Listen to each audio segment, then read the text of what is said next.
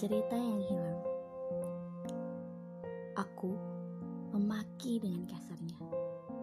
Berjalan menjauh dari takdir yang tidak sesuai dengan harapan.